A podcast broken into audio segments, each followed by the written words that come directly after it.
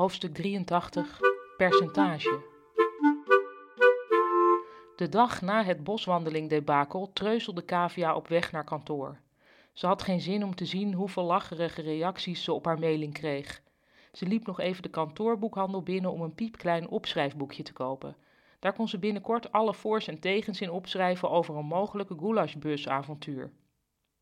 Op de afdeling zette Kavia zo traag mogelijk haar computer aan en even later zag ze de mailtjes binnenstromen.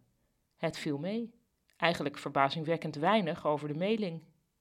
Via het mailinglijstprogramma checkte ze hoeveel mensen de mailing hadden opengeklikt.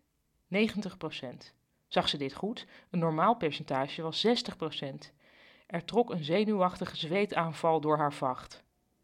Ze ging koffie halen om daarna met frisse blik naar het percentage te kijken voor het geval ze scheel had gekeken. Nog steeds 90% Waarom komen er ineens zoveel orders binnen? riep Ruud over de afdeling. Hebben onze klanten ineens een geldboompje in de tuin?